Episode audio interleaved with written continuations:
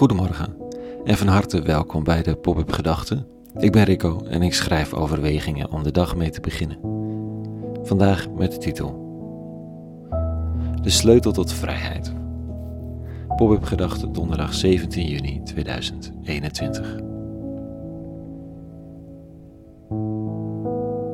Vrijheid is toch wel een beetje de heilige graal van onze tijd. Geld is fijn, maar liefst heb je geld om vrij te zijn om te doen wat je wilt. Werk is fijn, jezelf ontplooien is stof, maar vrijheid.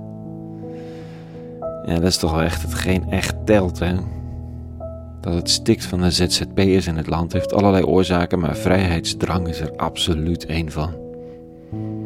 Mogelijk ook wel het hoge aantal scheidingen en misschien wel het hoge aantal burn-outs. Scheidingen, want je kunt jezelf niet gebonden laten zitten aan iets wat niet werkt. En zo'n beetje alle scheidingen die je ken hadden verrekte goede redenen. Je zag echt niet hoe het verder kon met z'n tweeën op een gegeven moment. Het punt is dat het er zo allemachtig veel zijn. Misschien heeft het dan toch met die vrijheidsdrang te maken, de eigen ontwikkeling, het eigen pad. Het is wellicht ook de reden dat zo ongelooflijk veel mensen in de laatste decennia de, de kerk de rug hebben toegekeerd. Ook soms met hele goede redenen. Alleen weer, wat zijn het er veel. Vrijheid van een God die alles ziet, van regeltjes, van saaiheid, van schuld die je wordt aangepraat, maar waar je verder niks mee kan. En dat laatste, het laatste vrijheid van je schuldig voelen, dat is lang niet altijd gelukt met het vertrek uit die kerk. Je blijkt je buiten een kerk, zonder geloof, net zo allemachtig schuldig te kunnen voelen over wat je doet, hoe je in de wereld staat, hoe je het hebt aangepakt.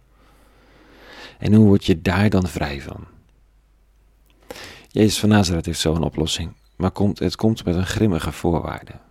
Dit staat er vandaag, als hij zijn leerlingen leert bidden.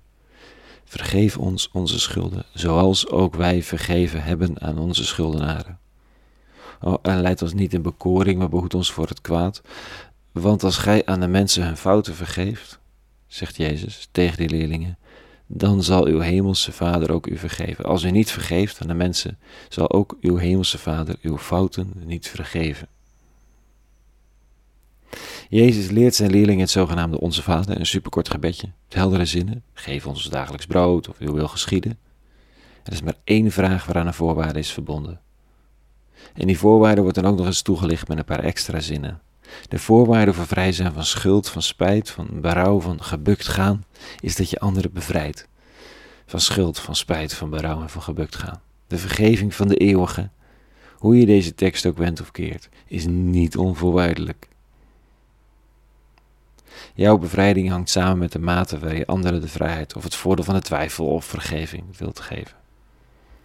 Dat is een knijterharde boodschap hè, voor degenen die zo ongelooflijk hebben geleden onder het toedoen van anderen, dat vergeving gewoon niet kan. Het zit er simpelweg niet op. In de angst slaat om het hart. Of de toeschouwer denkt, wat een hardvochtige godheid om van degene, diegene eerst dat enorme offer te vragen, alvorens zelf ook te kunnen vergeven. Ik betwijfel of die casussen deze tekst verder helpen. Groot kans dat degene aan wie iets onvergeeflijks is gedaan, allerlei andere zaken wel weten te vergeven of weg te wijven. Alleen die ene, die is een worsteling. Sta je niet blind op de uitzondering. Laat die vooral de regel bevestigen. De regel van de noodzaak om te vergeven, om vrije mensen te worden. Wie worstelt en niet kan, werkelijk waar niet kan, staat blijkbaar bol van het verlangen om wel te kunnen vergeven. Anders zou je niet meer worstelen. Is dat dan zo ver verwijderd van werkelijk vergeven? Misschien wel niet. Belangrijk is dit. Er is samenhang tussen vrij zijn en bevrijden, loskomen van schuldgevoelens en anderen hun schuld niet aanrekenen. Er is een correlatie. Welke dat precies is? Dat ontdek je wel als je het leeft. Maar dat er samenhang is, dat is onmiskenbaar. Niet eenvoudig, wel zinnig om in het achterhoofd mee te dragen. Tot zover vanochtend. Een hele goede donderdag gewenst. Morgen weer een nieuwe pop-up gedachte. En voor nu, vrede. Alle goeds.